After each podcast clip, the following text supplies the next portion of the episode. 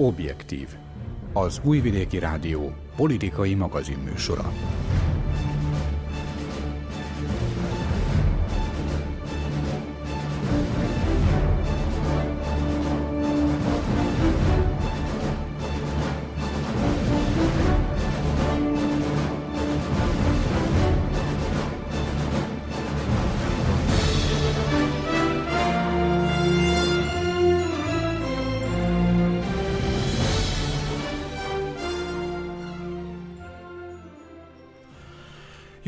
Kívánok, kedves hallgatóink! Patós László vagyok, Objektív című műsorunk szerkesztője. A sakk kezdete messze az ókorba vezethető vissza. A név a perzsa uralkodó szóból alakult ki. Túl egyszerűsítve, a játékos parancsainak engedelmeskedve bábuk lépkednek a saktáblán. A, sta- a sakk stratégiai játék, a logikája pedig milliárdnyi lépés kombinációt engedélyez. A saktörténelemben kutakodva bőven találunk szabálymódosításokat is, de annak nincs nyoma, hogy mondjuk egy sakkvilágbajnokság előtt csökkentenék a gyalogok számát. Aranyszabály a sakban, hogyha valaki nyerni szeretne, akkor kiáll, pontosabban leül a bábuk mögé. A lépések folyamán a sakkozó prioritásokat állít fel, utakat nyit a saját bábúinak, mozgásirányokat zár le a konkurens bábuk előtt, illetve blokkolja a másik legfontosabb tisztjeit. Az adatbázisok szerint a legtöbb aktív nemzetközi sakknagymester orosz nemzetiségű. Az orosz sakkozók mindennapjairól például Gary Kasparov is sokat tudna mesélni. És talán ő is sáncolásként írná le Vladimir Putyin eheti mesterlépését. Sakk kommentátorainkkal, Dani Zsoltal, Guszton Andrással és Öreg Dezsővel a hazai, az uniós és a világ saktábláján látott mozgásokhoz fűzünk ma széljegyzeteket. Lesz itt minden. Szabályok, taktika, stratégia és az öröklétbe terjeszkedő mattolás. Ahogy talán hallgatóink emlékeznek rá, múlt héten már fölmerült a parlamenti küszöb 5-ről 3%-ra való csökkentése. Egy szombati friss hír volt, akkor mi már megpróbáltunk foglalkozni a témával. Valószínűleg okosabbak lettünk az elmúlt hét nyilatkozatai kapcsán, ugyanis mind az ellenzék, mind pedig a kormány, és nem ö, lebecsülve a nemzetközi szereplők is véleményekkel látták el ezt az ötletet. Az én első kérdésem Öreg Dezsőhöz így hangzik, okosabbak lettünk-e a kérdésben? Hát okosabbak nem lettünk, de mindenképpen többet tudunk, mert hogy tényleg foglalkoztunk egész héten ezzel a kérdéssel. És akkor visszatérve ehhez a sakk dologhoz, ugye azt mondtad, hogy, hogy nem kell változtatni, nem szabad változtatni a szabályokat egy verseny alkalmával, hát itt még a verseny nem kezdődött meg, olyan értelemben nem kezdődött meg, hogy még nem írták ki a választásokat, ha bár tegnap az államfő bejelentette, hogy április 19-én vagy 26-án lesz a választás, úgyhogy Úgyhogy ezt már tudjuk, hogy mikor a várható. Na most ez idő alatt, tehát mielőtt kiírnak, szerintem azért csak meg, hogyha módosítani akarják a küszöböt. Ar- arról van szó, hogy ebben a pillanatban a választási küszöb 5%, aki ezt nem éri el, az kiesik, és annak a, azok, akik rászavaztak az olyan pártra, amely nem ért el az 5%-ot, azoknak a szavazatai megoszlanak azok a pártok között, amelyek elérték, elérték és meghaladták az 5%-ot. De most eh, az van ugye, hogy az ellenzék eh, egy része, ö, nagy része bolykotott helyzet kilátásba, és ö, az elemzők szerint Alexander Vucic emiatt döntött úgy, hogy, hogy módosítani kell a szabályokon, és hogy nem, há, nem 5, hanem 3 százalékos legyen a választási küszöb. Tulajdonképpen jogilag ezt meg lehet csinálni, mert, mert, mert mondom, nem vagyunk még, még a választási kampányban sem, ha bár tulajdonképpen gyakorlatilag négy éve folyik a választási kampány, meg sem áll itt Szerbiában de még mindig nem lett hivatalosan kiírva, úgyhogy ezt meg lehet csinálni. Egyedül azzal van baj, hogy vajon ez tiszta dolog lesz-e. Olyan értelemben tiszta, hogy ez az ötlet nem volt semmilyen társadalmi vitán, semmiféle mm, mm, pártközi egyeztetés nem előzte meg, már pedig ez, ez, ez rendszerbeli törvényről van szó. Egy olyan rendszerbeli törvényről, amelyre, amelyben arról döntenek, hogy a négy évenként sorra kerülő, hogyha minden rendben van, négy évenként sorra kerülő választásokon milyen szabályok alapján jutnak majd be a parlamentbe, tehát a törvényhozó testületbe azok a képviselők, akik végső soron e, sorsunkról döntenek. Úgyhogy ez, ezt, ez, ezt azért mégiscsak egyeztetni kellene, és mindenképpen össze kellene hangolni a véleményeket. A másik dolog, ami, ami ebben az egészben nagyon furcsa, hogy, hogy az ellenzék, az az, az, az ellenzék, aki, aki bolykotot hirdetett, egy pillanatra sem a cenzussal, tehát a küszöbbel volt elégedetlen, hanem a választási feltételekkel, és ezt továbbra is hangsúlyozzák, hogy a választási feltételek módosítása nélkül nem lehet választásokat tartani, illetve lehet, de akkor olyanok lesznek, amilyenek. Na most az államfő kiszámolta nyilván, hogyha 3%-ra csökkentik a küszöböt, akkor tulajdonképpen a szélső jobbtól a baloldalig mindenki jelen lehet a, jelen lehet a, a parlamentben, attól függetlenül, hogy, hogy ezek a pártok, amelyek bolykotot hirdetnek, nem jelennek meg.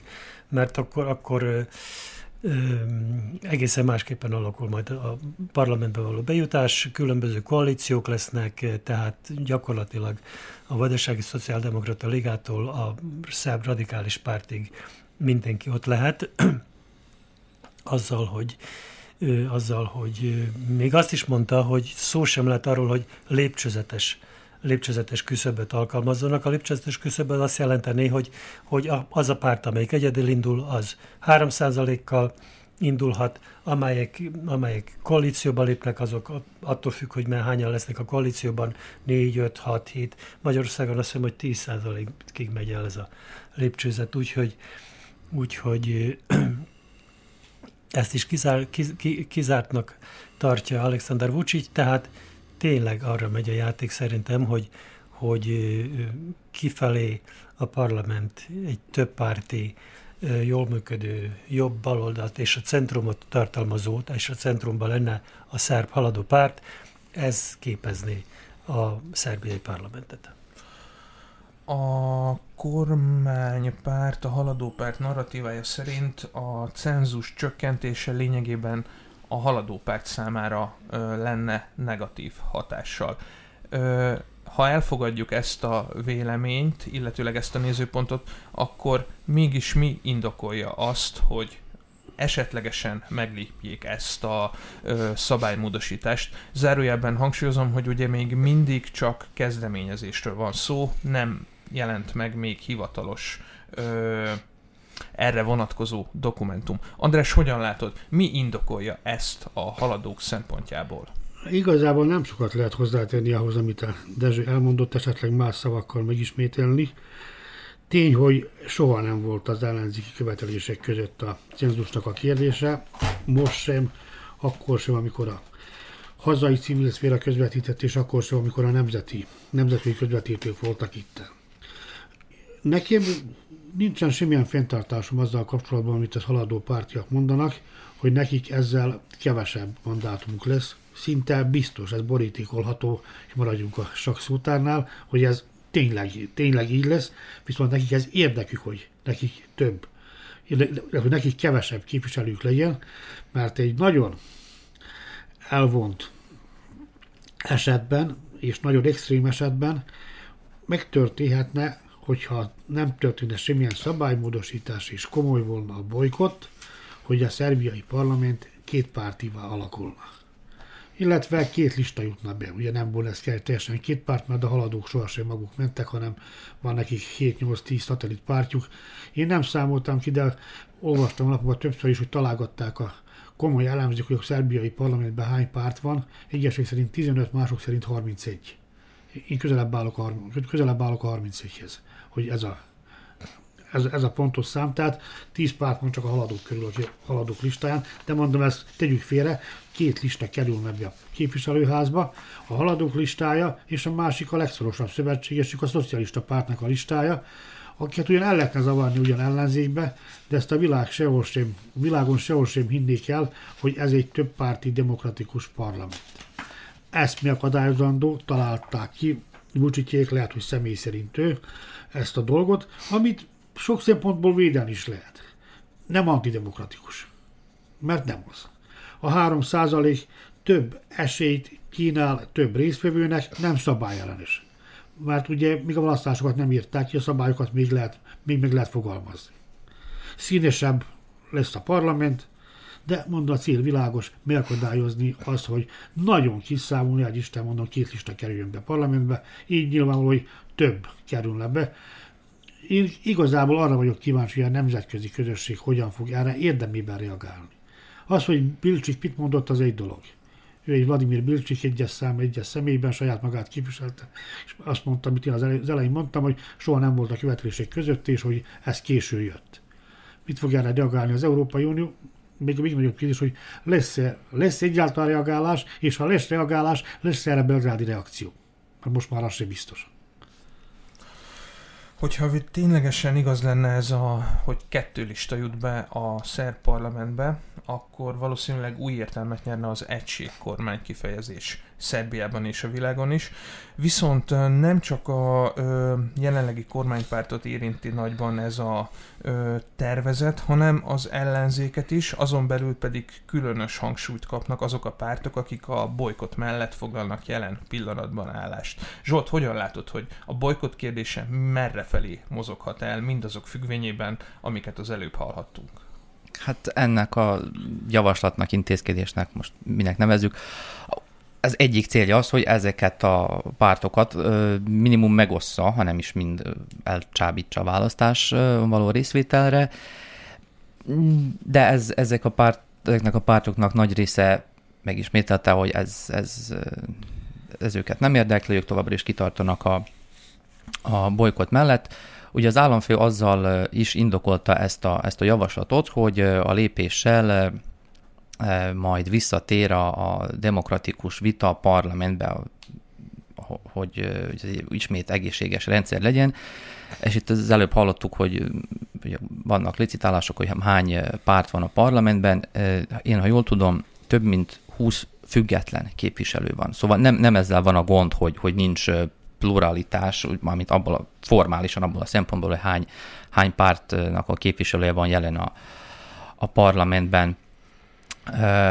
Ez a 3 százalék, ez, ez, ezt én úgy, vagy hát ez az egész javaslatot úgy, úgy írnám le, hogy sok port kavar, de kevés lényegi változást hozhat. Lehet itt kis pártoknál az, hogy igen, valaki bejut, és akkor így lehetőségekhez, meg pénzekhez juthatnak, meg stb. stb., de én mondom, semmi, semmi különös, mélyreható változást ettől különösebben nem várok. Ugye a hatalom minden sarkon védi a javaslatot, az ellenzéki része minden sarkon támadja. A, a hatalom részéről az, az a benyomás alakult ki, illetve ők ezt akarnák kialakítani, hogy ezzel a, ezen a kérdésen múlik minden. És most ismét a média tér meg van töltve, sőt, túl túl van reprezentálva a téma, és minden, amiről az elmúlt hetekben beszéltünk, arról nincs szó, én nagyon keveset hallok a pártok finanszírozásáról, a, a médiaszabadságról, meg mind arról, amiről elvben ugye egyeztettek, meg meg is állapodtak erről arról előbb a belpolitikai dialógus keretében, aztán meg az Unió által eh, közvetített eh, eh, párbeszédben. És most annak ellenére, hogy azt mondtam, hogy nem hoz nagy változást, nem hoz nagy változást ez a, ez a várható változtatás, annak ellenére lesz és lehet konkrét hatása. Például becslések szerint az eddigi választásokon 300 és 700 ezer közötti volt az úgy idézőjelben elvesztett szavazatok száma, az olyan, azok az olyan szavazatok, amelyeket olyan listák kaptak, amelyek nem érték el pont ezt a küszöbet, amelyről most szó van, és akkor ezeket a szavazatokat ugye arányosan elosztották azok a pártok között, akik meghaladták a, a küszöböt. A 3 ra való csökkentés azt eredményezni, hogy kevesebb úgymond eldobott szavazat legyen, és akkor ezzel lehet érvelni, hogy ez, ez demokratikusabbá teszi a, az egész folyamatot, de mint mondtam, én nem várok semmi különösebb változást. Talán még lehetne szólni a kisebbségi küszöbről, mert hogy ugye tegnap nyilatkozott a VMS alelnöke, azt hiszem ugye Pásztor, Pásztor Bálint, ugye, a híradónak, és mondta, hogy folynak a tárgyalások arról, hogy a kisebbség esetében is módosulja valami. Nem tudjuk konkrétan, hogy mi módosul, mi, hogy miről, fognak, miről tárgyalnak pontosan.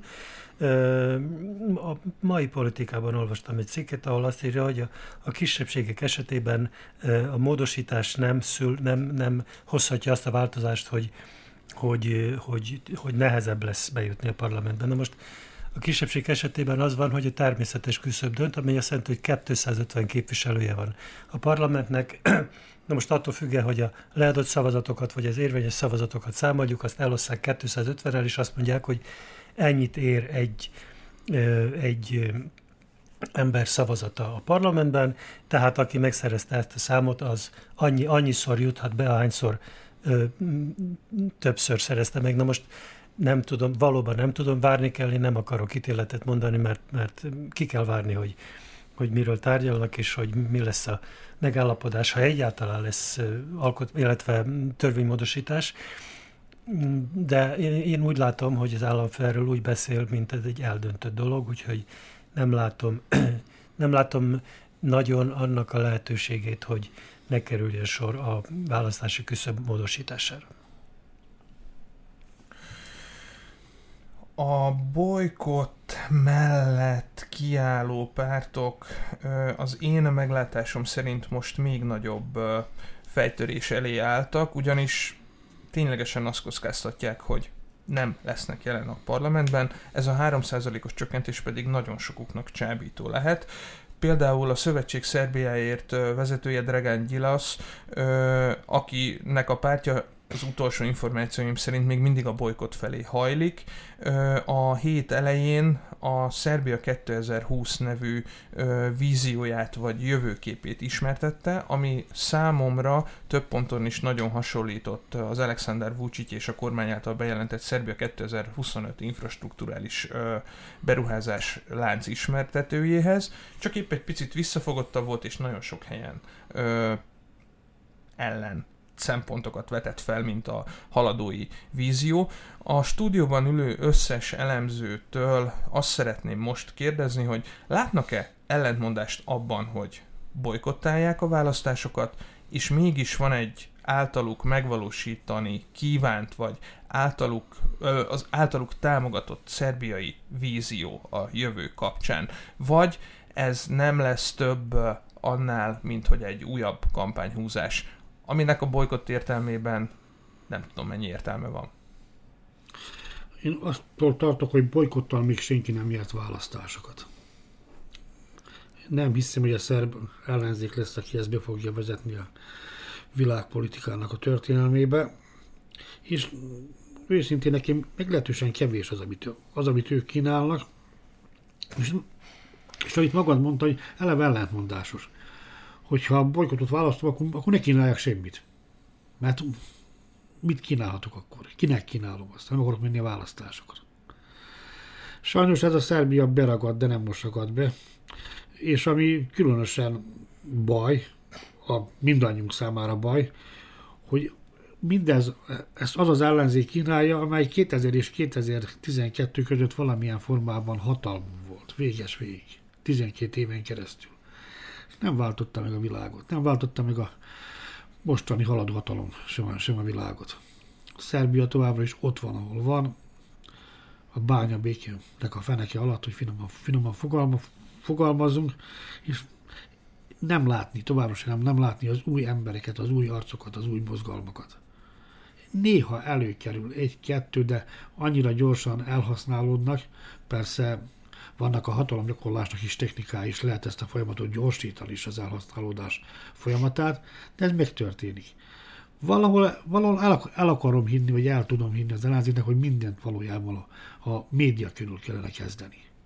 Ugye azért nem volt szó semmilyen küszöbről, meg egyébekről a, azokon az állítólagos kerekasztal megbeszélésről, ahol nem volt se kerek, se, se asztal, még nem volt megbeszélés, hanem külön-külön közvetítők találkoztak a hatalom képviselőivel és azokkal az ellenzékekkel, akik egyáltalán szóba álltak velük, és ebben én őszintén, mint egy médiának a képviselője, nem látok egyelőre semmilyen változást.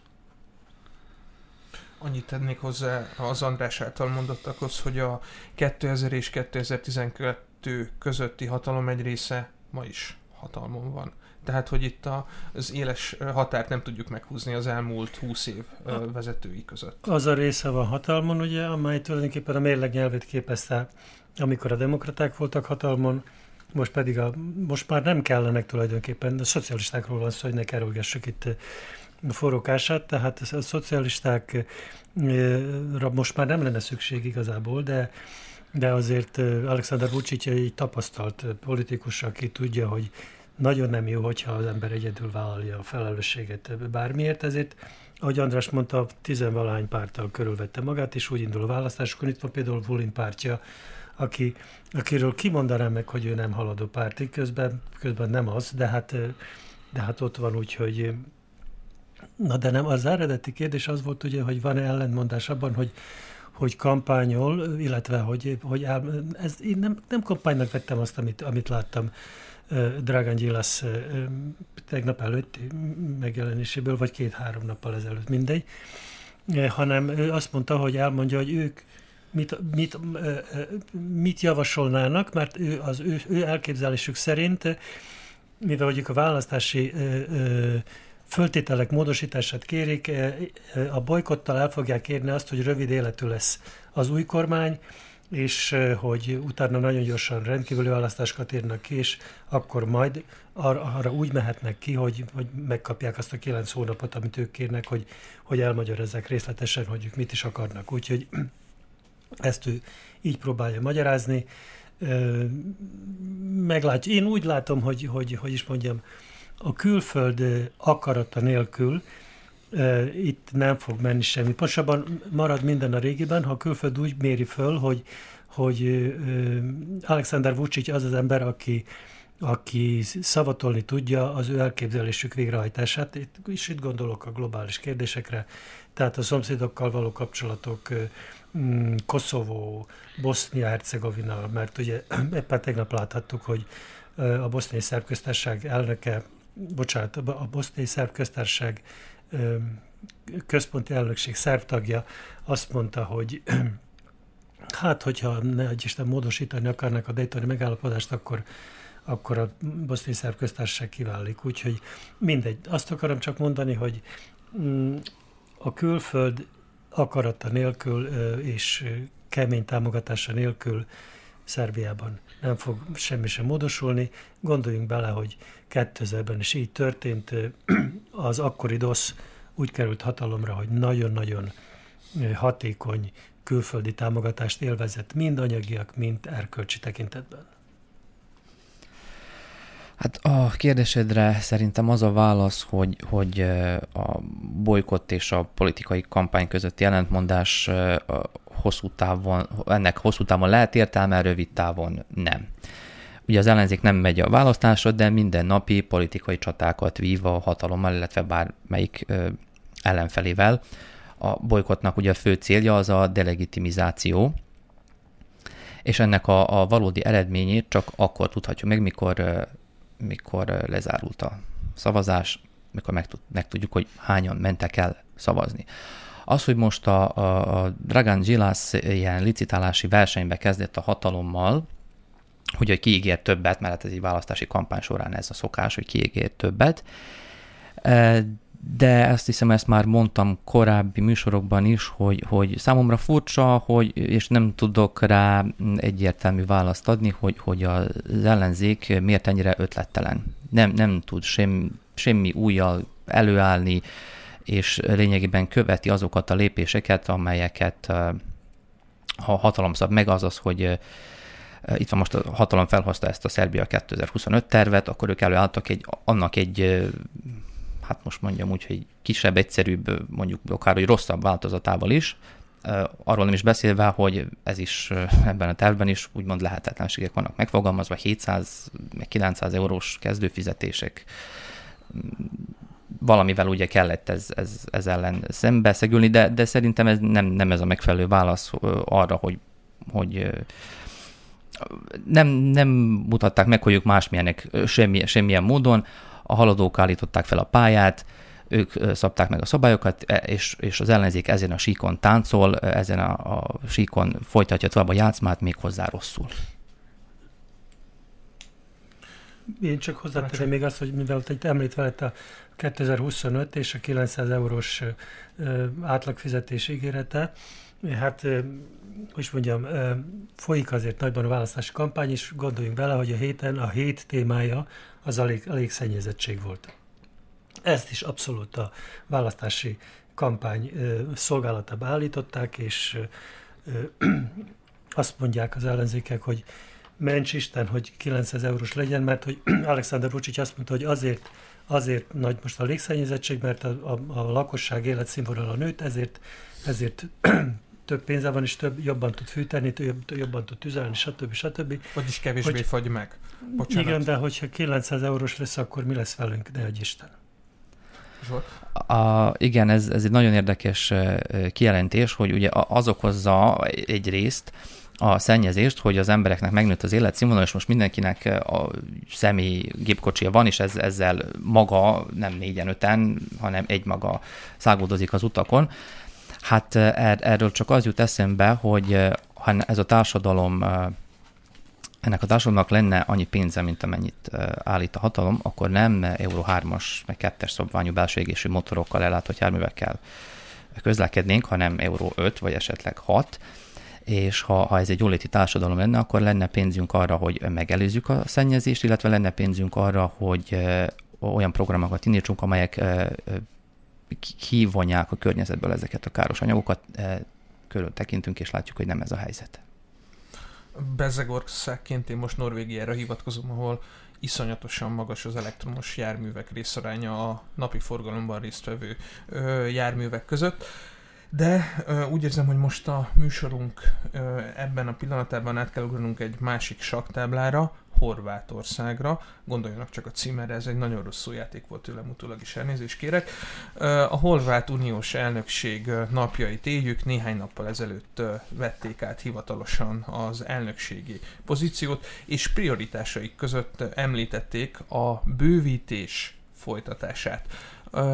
Rendszeres hallgatóink tudják, hogy a bővítés politika gyakorlatilag az új uniós garnitúra megválasztása óta kérdés, többek között Emmanuel Macron reform tervezete is összezavarta az itteni eddig mondjuk nagyjából biztosnak tűnt információkat vagy álláspontokat, miben hozhat esetleg új lendületet az, hogy Horvátország az unió tagjaként és a régió egyik fontos szereplőjeként is így közelít ehhez a témához? Én Zorán Milánovics egyetlen mondatát idézném vissza, amiben ő Nova Televíziónak adott interjúban elmondta, hogy ő ugyan a bővítés híve, de tisztában van vele, hogy egy kis ország, mármint egy Horvátország, nem tud kiadni a bővítés határidő naplójára. És hogyha csak egy három perces műsor tartanak, akkor ennyiben ki is merülhetne a válaszom, de tekintettel, hogy ki kell tölteni az egy órát, még valaket hozzáfűzök. Ez teljesen így van, teljesen egy realista hozzáállás, az ég a világon semmi köze a bővítési folyamathoz, hogy kitölti be az Európai Unió elnöklői tisztségét. Az az ország semmiről nem dönt, ő adja az elnöklőt, ő hívja össze formálisan a miniszteri tanács üléseit, és, és itt kimerül. Mit csináltak a románok voltak az elmúlt fél évben? Finnek, Mindenki voltak, és a németek következnek. Persze. Tehát, ha valaki nagy, akkor érdemes odafigyelni, a többieknek pedig a kvóta alapján jár, hogy minden 13 és fél évben, fél évig elnökök legyenek, ezt fogják kitölteni most éppen a horvátok.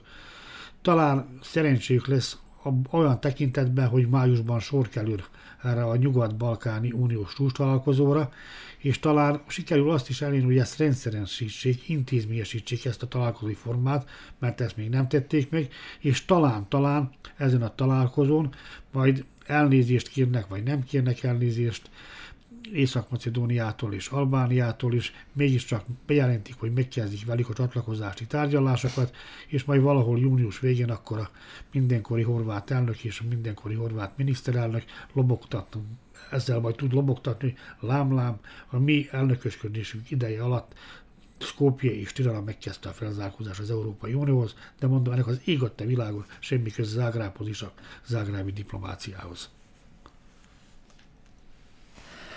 Um, Horvátország az uh, hát mondjuk úgy, hogy ilyen most nagyszabású, nem, nem tudom, hogy ez legmegfelelőbb kifejezése, programot mutatott be, amely ugye szinte minden uniós, uh, uniós hatáskörre kitér, uh, az, uh, a, az egyenletes fejlődést akarják elősegíteni, az unión belüli gazdasági, kulturális kapcsolatokat akarják megerősíteni.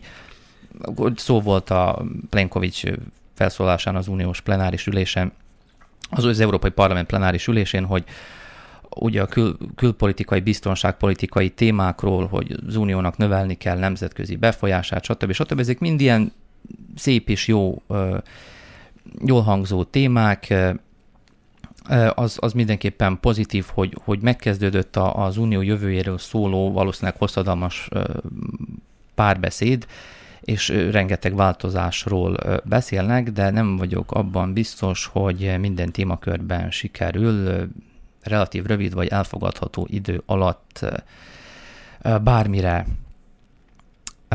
bármire jutni, de most a bővítés politikával kapcsolatban ugye azt ígérték, hogy hetek kérdése, és bemutatnak egy új most egy teljesen új bővítési mechanizmust valószínűleg nem, de, de a módosításokat.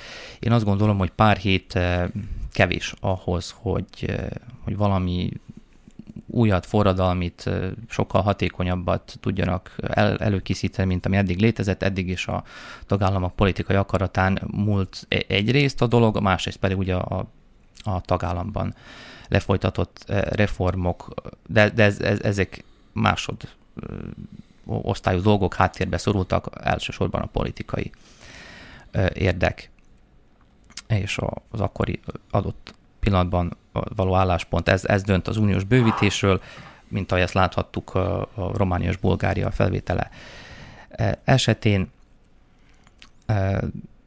Ugyanúgy, mint ahogy András mondta, horvát elnöklés idején igen, lesz ez a, ez a zágrábi csúcs, ami presztízs kérdés lesz, de, de nem tudom, hogy mi az, amit, amit ők mélyrehatót produkálni tudnak. Észrevenném azt, hogy megemlíteném azt, hogy von der Leyen az Európai Parlament plenáris ülésén valahogy túl, hát most túl dicsően, túl barátságosan, lehet, hogy mindenki ez így viszonyul, ezt eddig nem, nem tapasztalhattuk, de, de azt, azt hiszem, hogy túl dicsért Andrej Plenkovicsot és a horvát kormányt, ők mennyire, mennyire jó programot készítettek, mennyire igyekeznek, és mennyire örül annak, hogy együttműködés lesz, stb. stb. Ezt én annak tulajdonítanám, hogy, hogy von der Leyen most kezdi meg valójában a, a munkát, mandátumát, és akkor ugye jóba akar lenni mindenkivel, stb. Sok minden elhangzott, konkrétumokat még nem, nem hallottunk, ez, a, ez, ez az én benyomásom.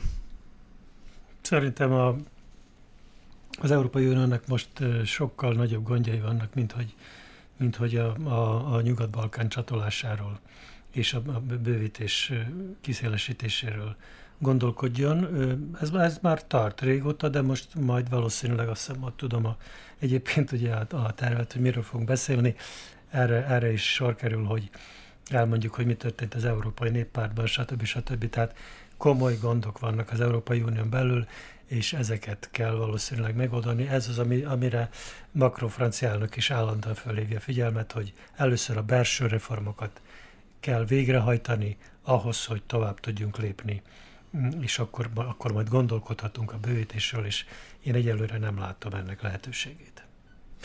Ahogy te is utaltál erre, az Európai Parlament ülésén a jogállamiság, mint egy belső strukturális probléma vagy kérdés is hangsúlyos szerepet kapott. Már a finn elnökség elején a finn vezetés hangsúlyozta, hogy ők komolyan tekintenek a jogállamiságra, és szeretnének mindenféle létező témában haladni Gondolok itt egész konkrétan a hetes cikkely szerinti eljárásra, ami Magyarországot és Lengyelországot is érinti.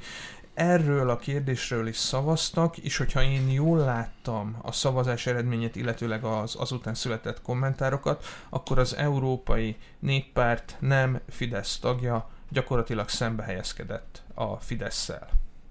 Hogyan láttátok ezt a történetet? Mit tudtatok kiolvasni azokból a, az apró részletekből, amiket láttunk mostanában? Hát nem az egész, nem, hogy is mondjam, nem az egész Európai Néppárt, de a, német, a, németek, a németek, a CDU az egy az egyben, egy az egyben ellene szavazott, tehát Magyarország ellen.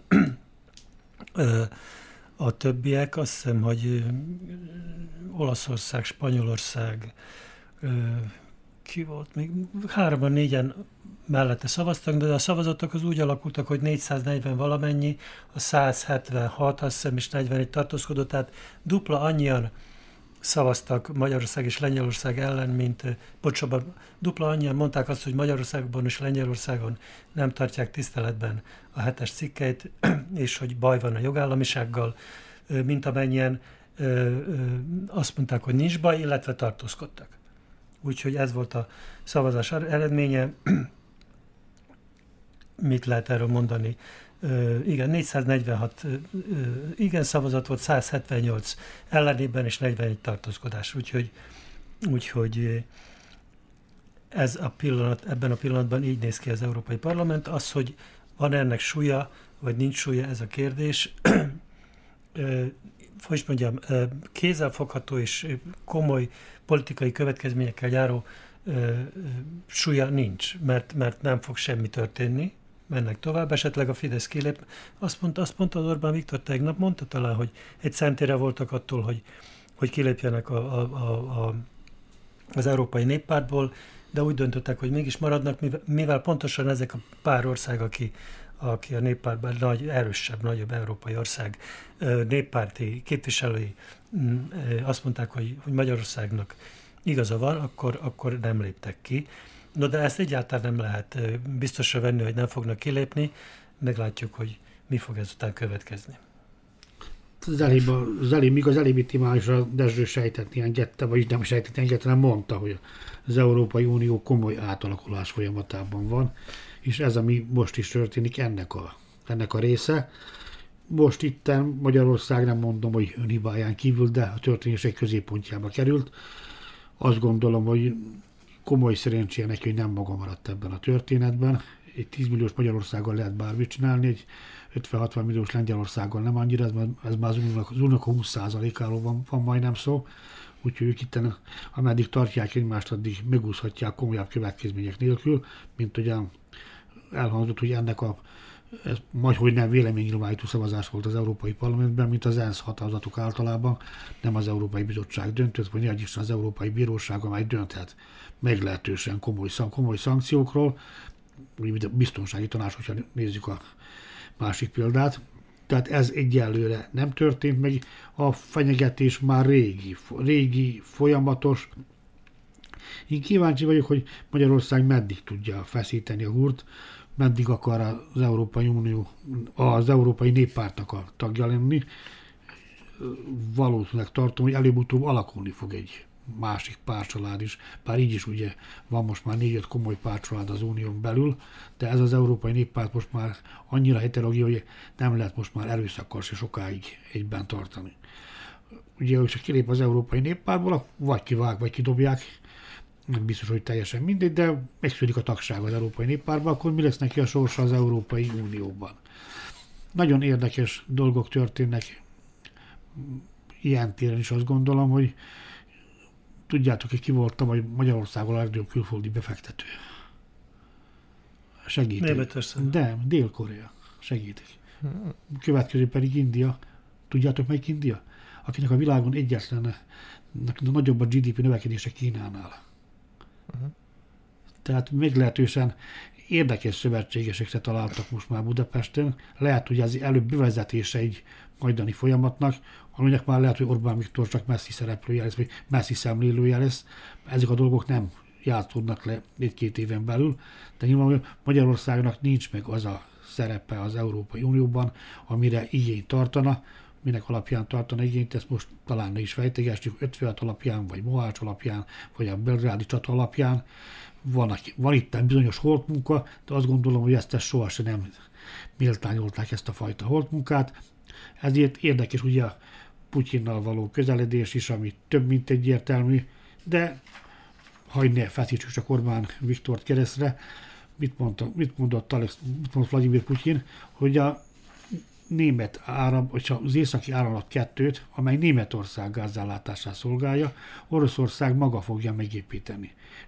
Értsük az arányokat, az északi áramlat kettőn 55 milliárd köbméter gáz áramlik Németországba, a török áramlat Szerbia vezető ágán pedig 13 milliárd, amit ugye megcsapolnak a bolgárok, Szerbia, Magyarország is úgy az Unióba. Tehát mások is rá vannak utalva a nagy orosz medvére, aki köszöni kérdéseket jól érzi magát. Ebben a hidegben különösen.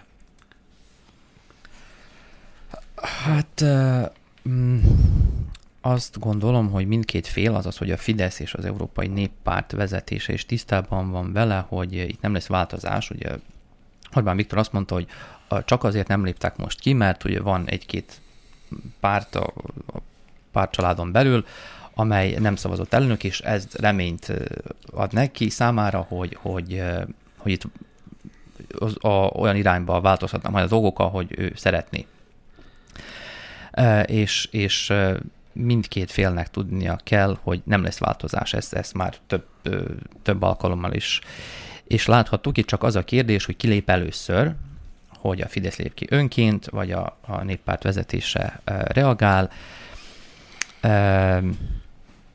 Itt, itt a Fidesz elég nehéz választás előtt áll, mert, mert hallottuk, ha kilép, akkor, akkor hova tovább itt Orbán Viktor felvetette, hogy hát alakulhat itt egy új, van, van rá igény és lehetőség, hogy, hogy alakulhat egy új pártcsalád, de akkor ez... Mozgalomról beszélt keresztény Igen, nulláról kell indulni, kiépíteni a befolyást, stb. stb. az Európai Parlamentben való jel- jelenlétét, stb.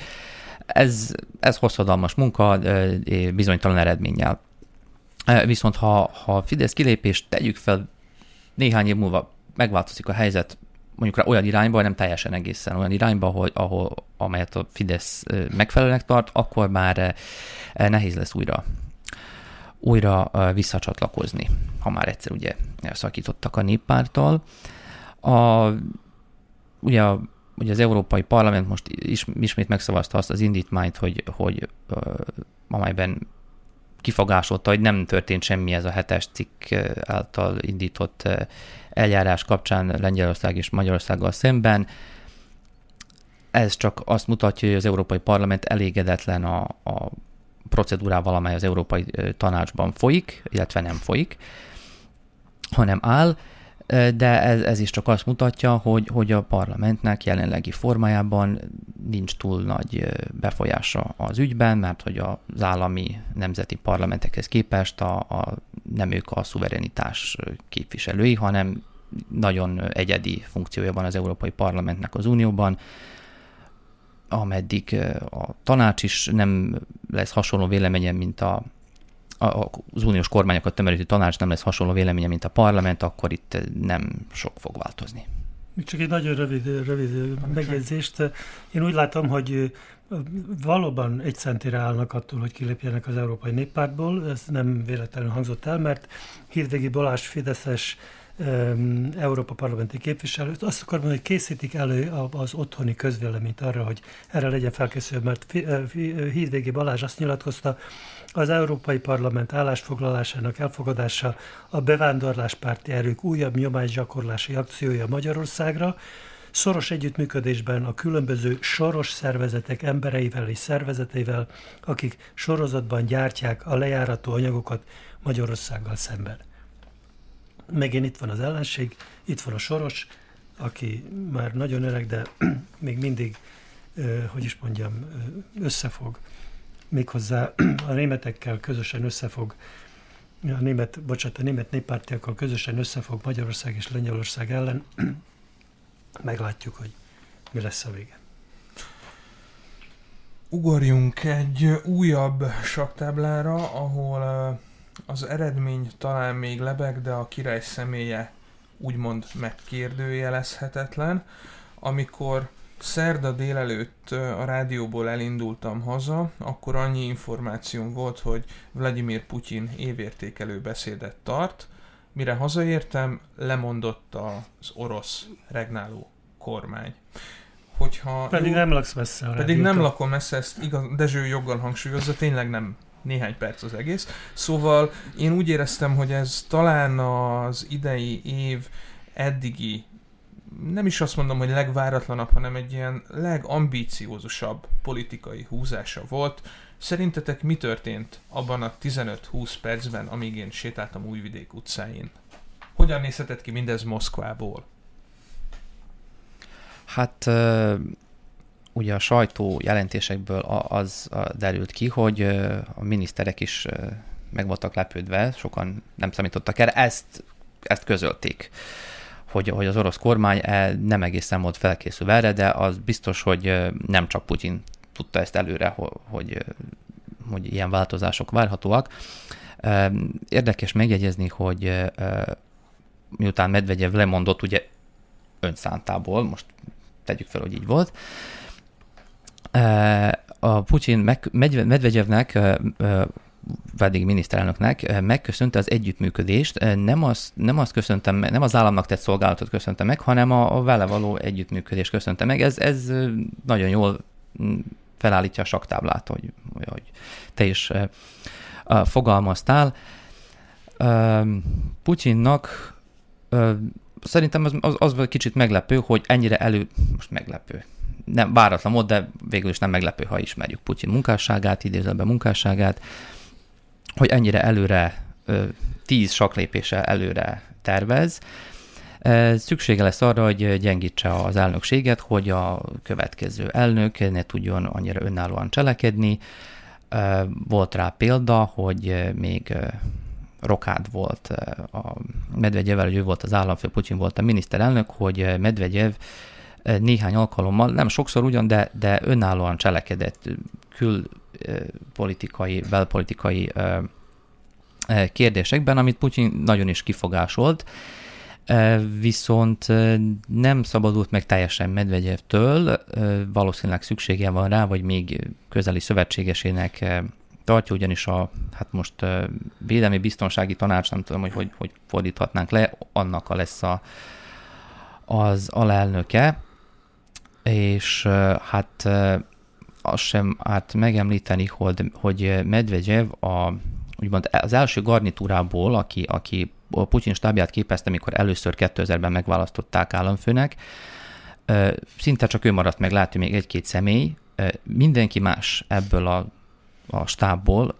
vagy ellenzékbe vonult, vagy külföldre ment, visszavonult, és egyesek közülük nem élnek, most erről nem térnék ki, hogy nincs rá bizonyíték, hogy, hogy ez milyen körülmények között, de a lényeg az, hogy ebből az első csapatból hát már nem, nem sokan maradtak mellette, és új szövetségeseket kellett találni, ami, ami érthető is, mert ö, a politikai szintéren az ellenzéket gondolok, nincs kihívója a Putyinnak már ugye két évtizede, a lehetséges kihívók csak is belülről jöhetnek, és egy időben Medvegyev szóba került, mint az, aki esetleg komolyabb szerepet vállalhatna. Na most ez, ezzel a lépéssel valószínűleg ez, ezt a gondot Putyin megoldotta. Én azt gondolom, hogy sokat tanult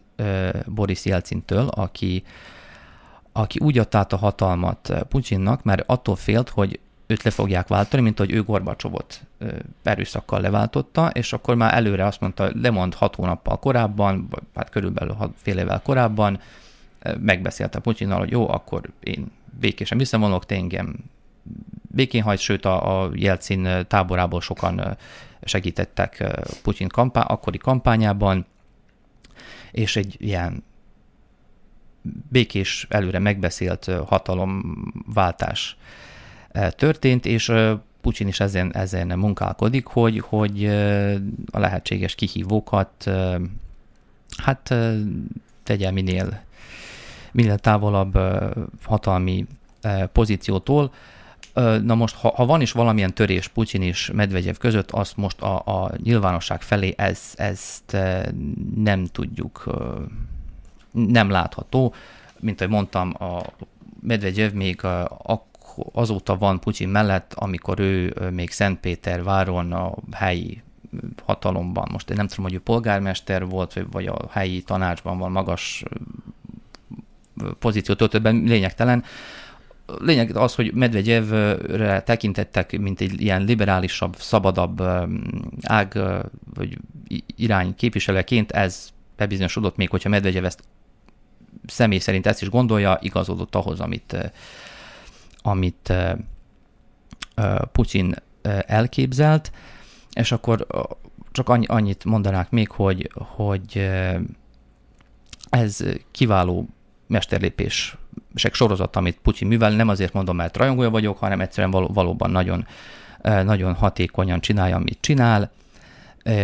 Itt már felmerült, ugye most a 20 éve, hogy hatalmon van, hogy valószínűleg meg fogja dönteni Stalin rekordját, aki 20, nem tudom, 6-7 évig volt hatalmon, vagy 28, most ez, erre nem emlékszek pontosan, és, és ki emlékszik még a szovjet, mondjuk rá nyugaton, vagy erre nálunk egy átlagember ki emlékszik Leninen és Stalinon kívül Khrushchevra, Brezsnyevre, Andropovra, stb. Azt mondtam, hogy átlagemberig, Dezső jelentkezett, hogy emlékszik ezekre a vezetőkre, de mi átlag, egy nyugati átlag lakosra gondolok, nem sokan, mert nem tettek semmi, semmi különöset, Putyin magasan föléjük emelkedett ezen a ezen a listán. Annyi, annyi dolog van, hogy már fel se tudjuk sorolni, egy egész műsor tudnánk szentelni arra, hogy, hogy hogy néz ki az orosz belpolitika, hogy hogy változott az orosz társadalom, az a tíz éves időzőben demokrácia teszt közben, amit Jelcin idején próbálkoztak, próbálkoztak létrehozni Putyinnak a 20 éve két évzetes fő eredményei azok, hogy, hogy nagyon sok területen egybe tudta kapcsolni a kommunista és a cári rendszer hagyatékát. Ennek egy jó példája a himnusz, amit 2000-ben elnöki választása után a régi szovjet himnusznak ismét bevezette a, a, a zenét, a melódiát, és iratott, iratott mellé egy, egy új egy új szöveget, mert nép nem volt elragadtatva a Jelcin által bevezetett himnusz kapcsán. Ennyit mondok, mert, mert már nagyon kevés az időnk, mondom, egy, szinte egy egész műsort lehetne szentelni az orosz belpolitikának.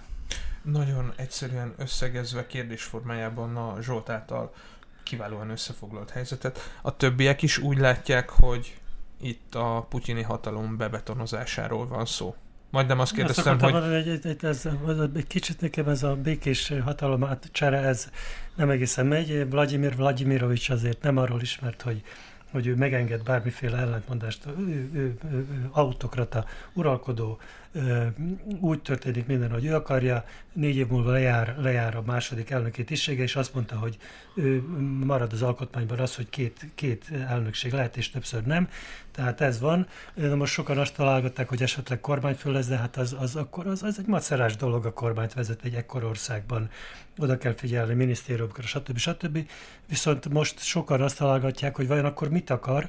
Hát azt mondják, hogy valószínű az, hogy a, hogy a kormányt, a, a biztonsági szolgálatokat, összefogva egy ilyen fölsőbb szervet hoz létre, amelynek élén nő állna, és gyakorlatilag folytatná Oroszország irányítását. Egyébként ami Medvegyev bűnét illeti, azt mondják, hogy tényleg volt bűne, azért kellett távoznia, mert különböző korrupciós ö, ö, botrányokba keveredett, és ezt, ezt, ezt, ezt veszélyeztette, veszélyeztette a mostani hatalmat még adnék Andrásnak is. De nem igazán tudok mit hozzátenni ehhez. Persze, hogy Putyin a világ egyik legfontosabb, már-már legfontosabb vezetője.